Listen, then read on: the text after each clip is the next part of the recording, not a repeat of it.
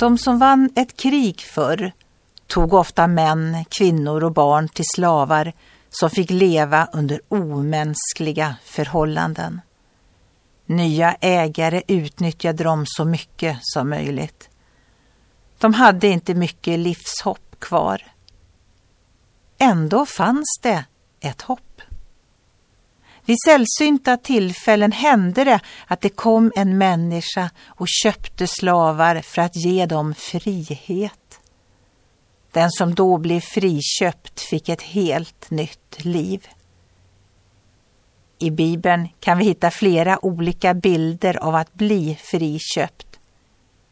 En som fick uppleva det var Jobb. Han hade förlorat allt han hade. Men han hade inte förlorat sin tro på att det fanns en befriare.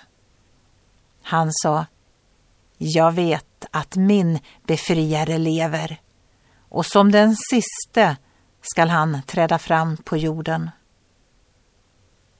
Bibeln säger att Jesus led och dog för dig.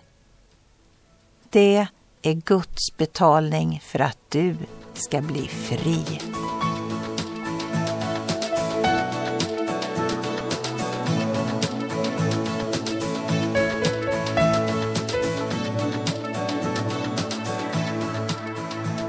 Ögonblick med Gud producerat av Marianne Källgren, Noria Sverige.